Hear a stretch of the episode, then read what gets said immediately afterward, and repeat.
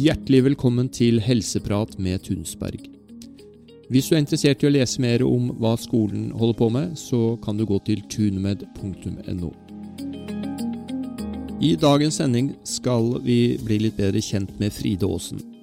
Og det er ei jeg har veldig stor respekt for, og som jeg har vært så heldig å få jobbe sammen med helt siden 2008. Hun har jobbet som terapeut nesten hele sitt liv, og er nok en av de i Norge med mest erfaring. I dag jobber hun i full stilling som hovedlærer i naturmedisin på skolen, og jobber da både med naturmedisinsk grunnutdanning og vår fagskoleutdanning i biopati. Vi skal prate litt om hva naturmedisin er. Vi skal snakke litt om kinesisk medisin og ayurveda, og selvfølgelig om biopati. Hun skal også fortelle litt om det å jobbe med barn mens man er terapeut. Hun kommer litt inn på hippietiden på 70-tallet og kommer til å fortelle om sine favoritturter, og ikke minst om hva hun spiser om vinteren for å unngå å bli forkjølet. Og vi starter med å spørre hvordan hun ble interessert i naturmedisin. Det ble jeg allerede som 20- eller 21-åring. Og da var det egentlig litt i forhold til meg selv. Um, man har alltid lite grann man vil rette på, men det var um, mye som andre fortalte meg på den tiden. Dette her var da i 1971. Husker det veldig godt. Um, da kom den første helsekostbutikken, som jeg husker i hvert fall, i Oslo. Uh, det var noe veldig nytt. Folk begynte å snakke om at de hadde vært på meditasjonskurs og lært yoga, tatt kosttilskudd, og jeg syntes det var kjempespennende. Så det var ikke bare på grunn av min egen helse, men uh, jeg har alltid vært opptatt av å fikse på ting, eller rette på ting. Det var jeg helt fra jeg var liten. Jeg reparerte alt. Så det med å, at jeg hadde venner og kolleger som hadde problemer, det syntes jeg var veldig utfordrende, for det at jeg jeg liker å prøve å finne ut av ting. Du begynte å prøve å reparere de når jeg du var 20 år? Jeg elsker å reparere ting. I 20-årene? Ja. ja. Um, ja, jeg tenker det. Jeg er like nysgjerrig nå når jeg hører en pasient prate eller noen jeg kjenner snakke om problemer. Så trigger det meg skikkelig ved at jeg syns det er interessant å prøve å finne ut av hva som har gått feil og hvordan man kan reparere ting. Du har kalt deg selv en detektiv en gang, har du ikke det? Mener jeg husker. ja. Faren min ville at jeg skulle bli ingeniør, for han måtte hele tiden forsyne meg med ting som ikke fungerte, som jeg skulle rette på om det var gamle klokker eller hva det var. Så ble jeg ikke ingeniør, da, men naturterapeut er uh, veldig bra, for det er veldig mange mennesker der ute som trenger å bli rettet opp i, og at man trenger å finne ut av ting. da. Men etter hvert så begynte du da å, å, studere dette her og lære det selv, ikke ja. sant? Hvor, hvor, gjorde du det? Um, jeg startet opp Altså, i Norge på 70-tallet var det ikke mange skoler som underviste. Det var Norsk akademi for naturmedisin, og der startet jeg på det første kullet, jeg tror det var i 1975. Der var det faktisk over 100 stykker som startet på den tiden. Altså det, det var en kjempebølge, det var sånn entusiasme på dette nye, og at man kunne gjøre noe selv med kroppen sin. Det var ikke noe vi trodde før. Og, eh, men så var ikke homopati helt i min gate. Jeg syntes det var veldig interessant. Jeg sluttet etter et par år. Jeg tror jeg begynte en gang til også, og sluttet. Og så kom det et foredrag. Da var vi kommet til 80-tallet, og det var en biopat som holdt foredrag om biopati. Og jeg kjente meg sånn igjen. Um, og det ga sånn, hva skal jeg si, fornuft. Så da bestemte jeg meg for å starte på det. Og det gjorde jeg måneden etterpå. Dette her var på sommeren, så jeg startet opp det var i 1985 på bipatistudiet. Og det var i Danmark, ikke sant? Ja, foredraget var i Norge, men skolen var da i Danmark. Det var bare fortsatt én skole. Jeg tror kanskje det også hadde kommet noen, en akupunkturskole, det, det, vet jeg ikke helt, men det var akupunktur og homopati som på en måte dominerte miljøet eh, i Norge på den tiden. I Danmark var det litt annerledes. Da var det bypati og soneterapi. Og akupunktur og homopati var ikke like kjent som soneterapi og biopati.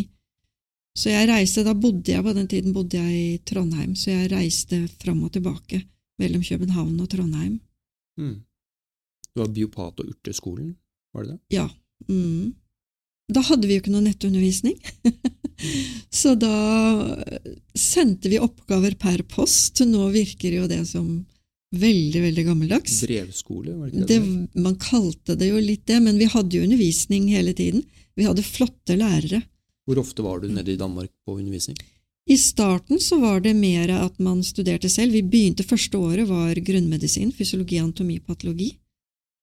Etter hvert så ble det mer og mer samlinger i eh, København, og jeg tror det var bortimot to ganger i måneden siste halve året hvor, hvor vi hadde praksis, blant annet, og veldig interessant studie, syntes jeg. Og Så kom du hjem til eh, Norge og begynte å jobbe med Det gjorde jeg med en gang. Jeg begynte allerede på slutten av studiet. Det er jo noe vi anbefaler studenter nå også, fordi at man har jo praksis på skolen, og da føles det mer trygt. Og jeg innredet klinikk, hadde en underetasje der jeg bodde med egen inngang, og eh, jeg innredet klinikk der og startet med pasienter, sånn at jeg bare gled over i praksis når jeg var ferdig, eller da jeg var ferdig på skolen, da. Gikk det greit å starte opp eh, som terapeut? Det gikk veldig greit. Um, det her var jo da i 88, ja, og det var fortsatt veldig fokus på naturmedisin, og jeg tror faktisk etter jeg hadde jobbet et par måneder, så hadde jeg ventelister, for det var såpass mange, og jeg bodde faktisk litt ute på landet utenfor Trondheim, et sted som heter Melhus, um, og jeg hadde masse pasienter. Så etter hvert så flyttet jeg jo til egen klinikk på et kjøpesenter. Mm. Du jobbet mye med barn, gjorde du ikke? Jeg gjorde det, for jeg hadde barn selv. Jeg begynte jo på bipatistudiet samme måneden jeg fant ut at jeg var gravid. Okay, ja. Så jeg hadde liksom studietiden med svangerskap og fikk da småbarn, og barn feiler det jo ting. De blir forkjølt, og de får øyebetennelser og alt mulig, så jeg fikk jo prøvet ut veldig mye. Jeg ble veldig opptatt av riktig kosthold til sønnen min, og derfor så ble det mye fokus på det, og etter hvert så blir man jo veldig flink til det og prater med pasienter, og jeg fikk veldig mange pasienter med små barn. Mm. Så jeg føler at det er luksus å kunne gjøre noe ved starten av livet, sånn at vi slipper å få 60-åringer som har gått gjennom alt av de gale tingene de kan gjøre, og kanskje fått litt medisiner, og det blir et mye mer forvirrende sykdomsbilde da, når du er eldre og ikke gjort noe med kroppen din. Så Det er en takknemlig jobb å jobbe med barn? ja, det er det, fordi at de viser både barn og unge kommer det raskt resultater. De har ikke levet så lenge at de har tid til å samle opp mye gruff. Men man skal samtidig være litt forsiktig når man jobber med barn? Som? Absolutt. Ja, så absolutt. Og det tror jeg Jeg har aldri vært i en situasjon hvor det har vært et problem, fordi foreldre selv er jo veldig påpasselige. Og eh, det er veldig mange foreldre Jeg tror nok alle foreldre jeg har hatt med barn, har vært hos legen først. Og så har det vært litt problematisk med at man ikke har hatt noen andre alternativer enn antibiotika. Og som naturterapeut må du jo alltid si at de må gå til legen med en gang de mistenker noe. Og så har vi visse regler å gå etter, da. Ikke sant? Det er enkelte infeksjoner som aldri bør vare mer enn en uke, sånn som for eksempel en akutt øyeinfeksjon. For det kan jo Altså, det er enda mindre avstand på barn. Og urinveisinfeksjoner skal man aldri gå med over en uke før man eventuelt da må ha antibiotika. Sånn vi er jo også utdannet i hvordan eh, det kan gå, for eksempel. Vi må jo ha patologi og sykdomslære og Hva er det typiske problemet man kommer til deg med med barn? Med barn så er det infeksjoner som ikke går over, rett og slett, og hvor foreldrene har brukt antibiotika, og selv legen begynner å bli sliten av alle de gangene man må gi antibiotika, og da det, har det faktisk vært ganske enkelt å behandle barn friske. Kan du fortelle litt om hvordan du jobber da? Ja, um, det er visse ting som påvirker immunforsvaret, og det er selvfølgelig maten vi spiser. Sånn at uh, det mest vanlige er jo en halsbetennelse som kommer igjen og igjen, eller mellomørebetennelse. Og hos noen kan det gi seg utslag, eller gå lenger videre da til bronkitt. Og hos noen igjen så har vi et mer komplekst sykdomsbilde ved at vi også har um, hudproblemer. La oss si at barnet får eksem. Og det er jo enda mer plagsomt fordi at det klør om natten, og barnet sover ikke, og det blir problemer sånn sett for foreldrene også. Så ofte så ser du slitne familier når dette er sånn som har gjentatt seg. Mm. Og da går vi litt inn på hva kanskje barnet ikke tåler. Får barnet is og godteri? Mange foreldre syns veldig synd på barna som har vondt i halsen, og gir dem litt is og gir dem litt godteri. Spesielt fordi, når man er syk, ikke sant? så ja, skal man, man, komme med cola, litt is og litt godteri. Og, ja. Det er jo så viktig. Mm. Man må jo kose seg. Stakkars barn. Så det er vel kanskje det første. Det er ikke sukker, og akkurat i den perioden hvor du slimer og har en infeksjon, så forsiktig med melkeprodukter.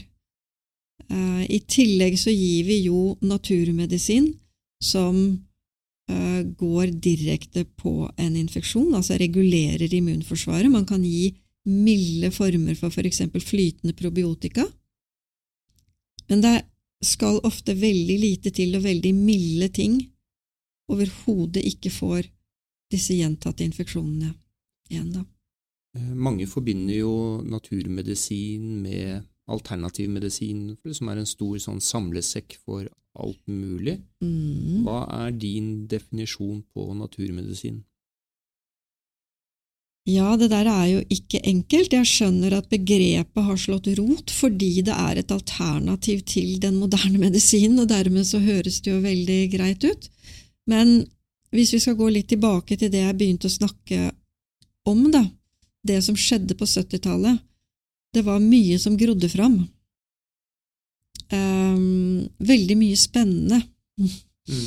Du kan si det sånn også at for første gang kanskje så fikk vi mer kommunikasjon med de landene som hadde den tradisjonelle naturmedisinen, sånn som kinesisk medisin. Første akupunktørene som kom til Norge, det var faktisk to leger, Wilhelm Schjelderup og en som het Bense, Georg Bense. De begynte med akupunktur i Oslo på 70-tallet. Og eh, da var det veldig nytt. Og så kom det veldig mye hva skal jeg si, rart òg, da. Mm. Eh, på 70-tallet hadde vi hippietiden. Alt bare blomstret fram. Var du hippie? Frida? Jeg var veldig hippie. Jeg hadde henrett hår og flagrende lange skjørt. jeg var jo 19 år i 1968, så fulgte med på det meste. Men eh, det var mye rart. Men, Men min definisjon er at naturmedisin er den tradisjonelle medisinen fra før den moderne kjemiske medisinen kom, og ikke de ra, alle de rare avartene med at man skal trykke her og der. Det, det, har vært så mye som har vokst opp av små ting. Mm. Rare, merkelige ting. Og, og jeg skjønner at leger har problemer med å ta faget vårt seriøst. Det var en veldig god uttalelse som en lege som faktisk er ganske mye imot naturmedisin, det var eh, Skavlan, kom med i et debattprogram. Og han sa det at vi leger, vi kan jo ikke videresende pasienter til alternativ medisiner, kalte han jo, for dere holder jo på med noe forskjellig alle sammen. Og jeg er så enig. Jeg hadde jo ikke gjort det, jeg heller. Jeg hadde ikke sendt pasientene mine videre hvis alle leger holdt på med noe forskjellig.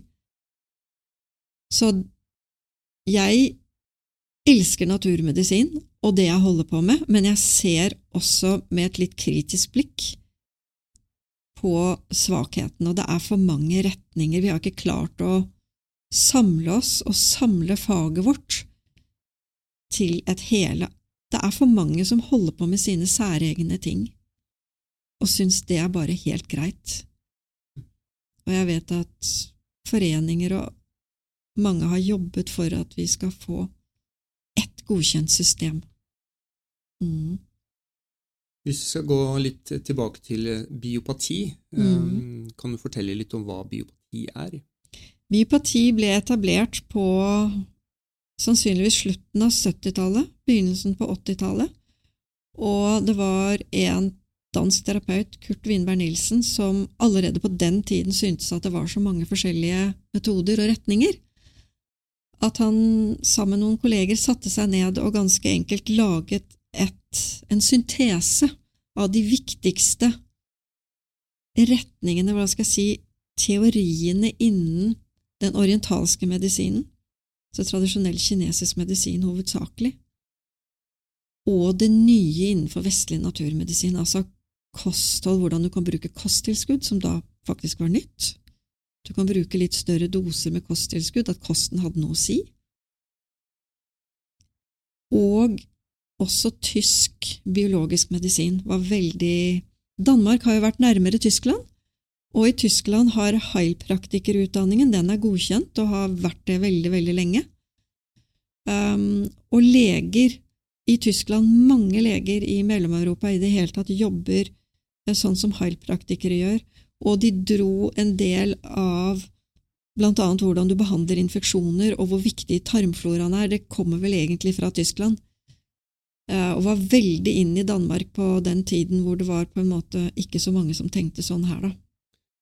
biopati er enkelt forklart en kombinasjon av østlig og vestlig naturmedisin? Ja. ja. Man har prøvd Hvor man bruker forskjellige typer analysemetoder og behandlingsmetoder. Ja, noe som er i tiden med det med hvordan bakterier, eh, særlig kronisk infeksjonsfokus, påvirker kroppen. Og så har man dratt med seg disse teoriene, hvordan se det i en helhet, som kinesisk medisin er helt fantastisk til. Hvordan sykdommer utvikler seg. Det er kanskje et utrolig vanskelig spørsmål, men hva er kinesisk medisin? Det var et vanskelig spørsmål, ja. Um, du skal klare å lage en kort forklaring ja, det. Um, det jeg syns er spesielt med tradisjonell kinesisk medisin, det samme dreier seg om ayurveda. Altså India og Kina ligger jo side ved side. Det er at de har hatt systemer som har utviklet seg over mange hundre år. Kinesisk medisin og ayurveda tar veldig utgangspunkt i mennesket i universet. Hva er energi? Hvorfor lever vi, eller hva lever vi av? Um, man starter jo med begrepet yin og yang, som er universets motpoler. Vi er nødt til å ha en bevegelse for å eksistere, men den bevegelsen må være balansert i en tilnærmet balanse. Og når vi går ut av den tilnærmede balansen, så begynner man å utvikle sykdom. Og i vestlig medisin ville man forklart denne balansen mellom ytterpunkter som det autonome nervesystemet med sympatikus og parasympatikus, og de samarbeider om all ikke viljestyrt bevegelse og funksjon i kroppen, og det gjør yin og yang i den kinesiske medisinen. da. Og så er det at visse belastninger påvirker denne innebygde regulasjonen vi har, og det går helt bra en viss stund, men hvis belastningene blir for store eller for langvarige, så begynner vi å få dysfunksjoner. Og kinesisk medisin er veldig flink til å forklare hvordan det burde ha vært, og hvilke dysfunksjoner vi får lenge før det opptrer som sykdommer. Mm. Så kroppen kan jo reparere seg selv? Det gjør den hele tiden. Det har jo mange mekanismer for å gjøre det. Ja. Det er det autonome nervesystemet med sympatikus og parasympatikus, så har vi hormonsystemet, så har vi fordøyelse og avgiftning. Det regulerer kroppen hele tiden, uten at vi vet om det egentlig. Og så er det det at når belastninger blir for store, så må kroppen oppjustere en funksjon. Hvordan kan eh, kinesisk medisin påvirke dette systemet? da? Ved å forstå kroppen bedre, da. Hvis vi forstår hvordan kroppen fungerer og forteller oss ting lenge før det har blitt en sykdom. Som jeg sa nettopp, så må den oppjustere en funksjon, for eksempel eh, for mye miljøgifter. Må leveren kanskje jobbe litt mer? Får vi en feber? Så vil det alltid være noe som oppjusterer noe, men samtidig blir noe annet nedjustert. Hvis dette varer over tid, så får vi mangel på funksjon enkelte steder og for mye funksjon andre steder. Og dette her leser vi ut av symptomene til folk. Så har man forskjellige metoder for å påvirke kroppen? Det har man. Um, vi har kosthold. Jeg vil si det at Det er vel basisen i kinesisk ja. medisin? Mange tror at kinesisk medisin er akupunktur. Det er det jo ikke. Det er en femtedel. Det er kanskje det siste de gjør mm. i kinesisk medisin. Er det første de gjør, er kosten? Ja, det er livsstil og kosthold. Livsstil og, kosthold. Ja. Mm. Uh, og kosthold og urter uh, er veldig integrert i hverandre. Um, før i tiden var det ingen um, kineser som sikkert hadde råd til å gå og ta behandling. Uh, de går ikke og tar behandling, men de, de får råd av legene sine om å endre på livsstil og kosthold. Og de, brukte, de bruker masse urter sammen med kost for å regulere kroppens energier. Og så har de jo tai chi og qigong, som er en annen måte å regulere sympatikus og parasympatikus på. Å senke stress, for eksempel, få energien til å flyte gjennom kroppen. Og først når ingenting av dette her har fungert, så går de nok og får nåler. Mm. Mm. Så snakker man om meridianer også i kinesisk medisin. Ja. Vi kunne spørsmål. om dette kinesisk medisin. Eh, meridianer, men... ja, meridianer um, er egentlig et litt overfladisk energiforløp i kroppen som man kan påvirke ved å sette nåler på hver eneste meridian. Hver meridian eh, er på en måte knyttet til et organ og et organsystem. Og på hver meridian så finnes det punkter som både stimulerer, regulerer og sederer energien i den meridianen, og i organer og meridianer som er knyttet til den meridianen. Så det er ikke sånn at du tilfeldig kan sette nåler på den meridianen, for ja, det er litt komplisert, men eh, du kan stimulere meridianen, men noen ganger er en meridian i overfunksjon, sånn at du må dempe den. Men igjen så er det et litt overfladisk system. Eh, du må inn og regulere organene via andre ting enn bare å sette nåler. Du kan ikke For noen eh, kan man kanskje si bruker akupunktur på samme måte som man bruker medikamenter? Det er, det er en naturlig symptombehandling, kan ja. du si. Du kan dempe f.eks. en allergi i allergisesongen. Men det løser ikke da? Sannsynligvis ikke. Hvis det sitter i en dysbiose i tarmsystemet, så kan du ikke du kan ikke fjerne patogene mikroorganismer ved å sette nåler. Du kan ikke gi magnesium ved å sette nåler. Så du kommer ikke unna at du må ha en grunn, bi, grunn behandling, en biokjemisk grunnbehandling av kroppen, og så kan manuelle metoder komme i tillegg, sånn som soneterapi og akupunktur og eventuelt andre manuelle behandlingsmetoder. Du må gjerne integrere. Det er vel kanskje det som er den store styrken til biopati, da, at man har forskjellige verktøy og Man har forskjellige verktøy, og man ser at kroppen trenger eh, behandling på forskjellige nivåer, og at du kan ikke gjøre alt med én ting. Du kan ikke gjøre alt med kostholdet heller. Så er det kanskje noen som responderer forskjellig på ulike typer behandlinger. Det er ikke alle som reagerer like bra på akupunktur, f.eks. Nei, og så er det jo mange som ikke kan ha det. Barn vil som regel ikke ha nåler. Mm. Noen virkelig misliker nåler. Uh, ja, og jeg tenker det er så lenge en sykdom sitter på et energiplan, altså hvor det kan beveges, så er akupunktur greit. Men hvis du har ødelagt et organ eller vev, så kan ikke akupunktur gjøre noe. Det er jo noen som er kritiske til det vi holder på med, det er ikke noe å skjule i det hele tatt. Nei, nei. Og det er jo vanskelig å forstå hvordan noe som er så gammelt, fortsatt kan fungere, kanskje? Hvorfor skal man ikke ja. heller stole på moderne medisin med legemidler som er helt nye? Hvorfor jeg tror ikke det har noe med alder å gjøre, men altså, én ting er sikkert, og det er at vi med tiden får bedre og bedre analysemetoder. Eh, og én ting er at vi får helt annerledes sykdommer i dag enn vi gjorde for 1000 år siden, så man kan ikke helt kritikkløst bruke akupunktur mot alt, fordi eh, da kinesisk medisin utviklet seg, så hadde man ikke antibiotika eller kvikksølv i tennene eller vaksineskader eller eh, miljøgifter eller matsminke. Det er jo et hav av nye belastningsfaktorer som gjør at vi er nødt til også å fornye oss og bruke andre behandlingsmetoder sammen med den gamle naturmedisinen. Men noe, altså hvordan mennesket er laget og naturen er laget, det har ikke endret seg. Mm. Og før var de kanskje flinkere til å De hadde jo ikke sine mikroskoper og analyseverktøy, kanskje de var flinkere til å se helheten. Og hvorfor er biopati så bra, hvis vi skal skryte litt av oss selv? Skryte litt av oss selv. Jeg, jeg syntes den um, knytter sammen såpass mange faktorer at jeg har aldri kommet over et, bedre, et bedre startgrunnlag for en terapeut. Men det er jo en grunnutdanning, så du, du kan absolutt fordype deg i deler av biopatien etterpå hvis du føler at det er det du liker godt, da, sånn som med urter eller immunterapi. Den er veldig godt sammensatt. Eh, urter er jo noe du er veldig opptatt av også. Ja, Eh, urter har alltid eksistert. vi kunne sikkert hatt eh, flere hundre episoder om bare urter, Ja. men hvordan bruker du urter selv? Jeg bruker jo urter i den tankegangen som biopati har, da.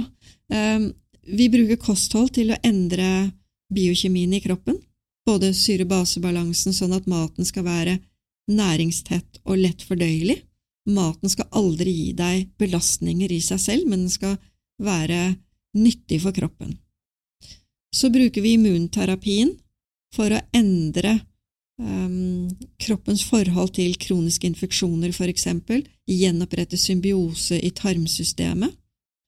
Uh, og så bruker vi urter til å styrke avgiftningsorganene, sånn at de stoffene som kroppen trenger å løsne eller fjerne, da, som vi kanskje har løsnet på via immunterapien,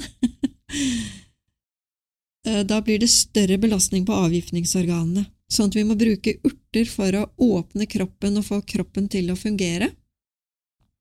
Men det finnes også urter som kan styrke energien din, og, men de kan også virke svettedrivende, vanndrivende, så det kommer helt an på hva, hvilke egenskaper pasienten trenger for å gjenopprette likevekt. Så vi bruker de sammen med immunterapi og kosthold, og det må inngå som en helhet. De må støtte hverandre, alle faktorene i en kur. Bruker du urter i form av kosttilskudd eller i form av mat? Begge deler. Hva bruker bruker du mest? Jeg Prøver å bruke urter i kostholdet selv. Um, jeg bruker sånn som ingefær, hvitløk, gurkemeie. Jeg bruker kardemomme, kanel, koriander, persille Sikkert mye jeg ikke kommer på nå. Men urter endrer matens struktur, sånn at for eksempel du fordøyer den bedre. Um, det er mye som går på fordøyelse, men også for eksempel sånn som persille og koriander styrker utrivelsen utdrivelsen av urinsyre via nyrene. Så har du gurkemeie, som er veldig bra for leveren. Uh, brennesle er veldig bra for leveren. Persille er også faktisk ganske bra for leveren. Sånn at du kan gjøre mye i ditt daglige uh, kosthold. Er det mulig å gjøre noe feil der, eller er det bare å begynne å bruke alt det du ramsa opp? Ja, du kan gjøre feil hvis du allerede er syk og i veldig ubalanse. Uh, men hvis man tenker litt i forhold til sesong, at om vinteren er det ganske bra å bruke urter som varmer, sånn som ingefær og hvitløk og gurkemeie. Um, om vinteren skal vi kanskje ikke ha så mye melkeprodukter og sukker, fordi de danner mye slim som stagnerer, og alt som stagnerer, det, det blokkerer funksjonen og det med å fjerne slagstoffer ut av kroppen. Så ja, du kan gjøre feil. Du kan spise sånn at du forsterker svakhetene dine. Det kan du gjøre. Hvorfor blir man forkjøla og får influensa om vinteren, ifølge naturmedisin? Um, for det første så er det jo da det går. Disse uh, mikroorganismene som gjør oss syke, de går jo hele tiden rundt verden rundt, og de kommer ofte på vinteren. Uh, men du er mer mottakelig om vinteren. Uh, kulde forsterker mottakeligheten din. Hvis du f.eks. har frosset eller vært kald på bena, så er du mer mottakelig. Men det er ikke sånn at du skal være forkjøla hver vinter. Vi sier at det er egentlig sunt å være forkjølt hvert tredje, fjerde, femte år, sånn noen år imellom, fordi um, da har de mikroorganismene, bakteriene, virus som kommer og går, de har endret form såpass mye at de antistoffene du har laget, er ikke helt oppdatert. Så da er det ofte at du blir forkjølt igjen, og så oppdaterer immunsystemet seg. Så hvis du blir forkjøla to-tre ganger eller i året eller hvert år, så blir du det litt for mye. Mm. Så hva bør man gjøre da hvis man er forkjøla hver eneste vinter, gjerne flere ganger? Jeg vil tenke litt på kostholdet og spørre folk hvordan kosthold de har. Jeg tenker det at om vinteren så bør vi spise som sagt mer varmende mat, eh, sånn som kraftsuppe. Um, hvis du kutter ut melkeprodukter og sukker Sukker er noe bakterier elsker. Så man må kutte ut sukker, uh, høyglykemiske Alle melkeprodukter, eller? Uh, nei, uh, drikkemelk er det som gjør at du slimer mest, i hvert fall for de fleste mennesker. Man kan spise litt smør, kanskje litt rømme, men det er også litt individuelt. Men jeg tenker det at mat med mer kokosmelk, eksempel, som er veldig godt å ha både chili og hvitløk og gurkemeie, um, komme seg litt ut og ikke være så mye inne. Altså, vi har mye elektrisk oppvarming. Um, så trene litt. Uh, kosthold. Ta litt ekstra urter som er bra for immunforsvaret. Og så er det jo kjempeviktig med bakteriefloraen. Uh, Slimhinner er ett system, egentlig hud og slimhinner er ett system, det er kroppens overflate. Så hvis vi har en skikkelig dysbiose i tarmsystemet, så er det klart at du er mer mottakelig for å få en infeksjon mm. et annet sted. Og dette med stress og søvn sikkert også? Veldig, veldig viktig, selvfølgelig. Og jeg tror de fleste mennesker er trøttere om vinteren, og de trenger mer søvn. Vann. Eh, det er mye som jeg tror folk selv vet om, men unnlater å gjøre, da. C-vitaminer. Mm. Um, det er mange urter også som virker, sånn som rosenrot og schisandra, russisk rot og litrokokkus, som virker stimulerende på immunforsvaret.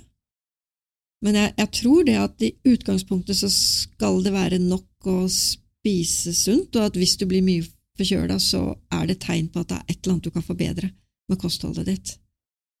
Det er jo i dag blitt flere og flere som er mer skeptiske til å ta store doser av enkeltvitaminer fordi at det skaper mm. ubalanser i mineraler. Og, mm. Hva tenker dere om det i naturmedisin? Vi i, på 80-tallet var det veldig inn å bruke store doser med vitaminer og mineraler, men biopatien har aldri gjort det over lengre tid. Man har gjort det som en kur, og det tror jeg du fortsatt kan gjøre i en kort periode.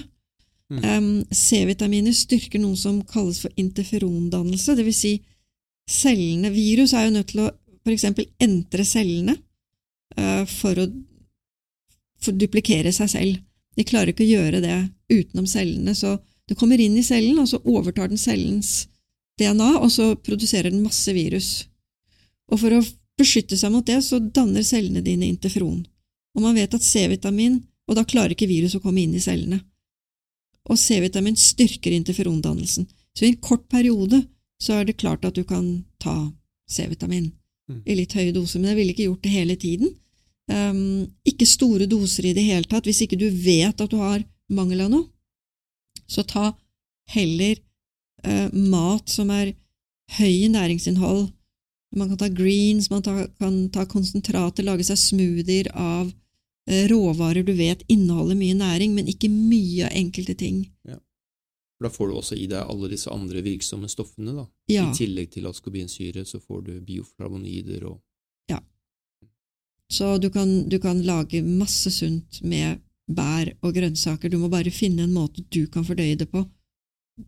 Det du ikke fordøyer, det klarer du ikke å nyttiggjøre deg så mye, så det er veldig viktig at vi finner vår måte å gjøre det på, da enten via supper eller smoothier, kombinert med andre ting, for eksempel. Hva gjør du selv for å opprettholde god helse?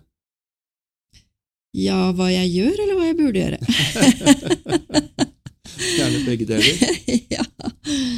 Jo, jeg prøver å fokusere veldig på kostholdet, det jeg har sagt nå. i perioder hvor jeg har mye å gjøre, så prøver jeg virkelig å være flink med kostholdet. Det gjør jeg. Eh, både det jeg unngår, og det jeg um, vet at jeg skal ha i meg. Uh, både når det gjelder litt fettsyrer um, Jeg tar også bær i Altså antioksidanter tar jeg ikke som tilskudd. Jeg tar litt Q10. Uh, jeg er jo ikke helt ung lenger. Mm. så i min alder så har man tilskudd av Q10, så jeg, jeg tar um, ja, For det stopper kroppen å produsere? Det gjør det, og så er det ikke snakk om altså Det er når du er 42 år, ca. på den tiden, så har du ganske lik regenerering i forhold til degenerering. Før den alderen så har du en økt regenerering i forhold til degenerering. Og fra 42 år oppover så øker degenerering i forhold til regenerering. Så jo eldre du blir, jo mer degenerasjon er det i kroppen jo viktigere blir det å ta vare på seg selv. Ja, så det gjør det. Til da så kan man nesten slippe unna med hva som helst. Det som funket veldig bra før, det er litt mer dyrekjøpt nå. Ja. Så jeg er nok litt mer påpasselig med kosttilskudd. Um, I balanserte doser sammen med kosthold, og så prøver jeg å både gjøre pusteøvelser, meditere litt, eh, få nok frisk luft, trene det er vel kanskje det det går mest utover, men som er på listen min hele tiden. Da tren mer. Det er noe faktisk av det sunneste vi gjør utenom kosthold. Det er å passe på å trene. Svette ut, få frisk luft. Det kommer vi bare ikke unna. Og så kanskje jobbe med noe man brenner for? Du, det, det er jo luksus. Jeg vet jo hvordan, ikke hvordan det er å ikke gjøre det. Um, jeg, har, jeg gleder meg til hver dag jeg går på jobben. Jeg syns det er interessant det jeg holder på med. Og det er også sikkert fordi at det er litt utfordrende. Det er fortsatt problemer å løse, og det gjør at man engasjerer seg veldig. Takk skal du ha. Bare hyggelig. Det var det vi hadde i dagens episode. Tusen takk for at du har hørt på, og vil du høre mer, vil jeg anbefale at du abonnerer på oss i enten iTunes eller Spotify. Og Hvis du likte denne podkasten, så vil det hjelpe oss utrolig mye om du hadde skrevet en liten omtale i iTunes. Hvis du har lyst til å lese om våre kurs, utdanninger og webinarer, så kan du gå til tunmed.no. Tusen takk for at du har hørt på, så høres vi igjen sammen.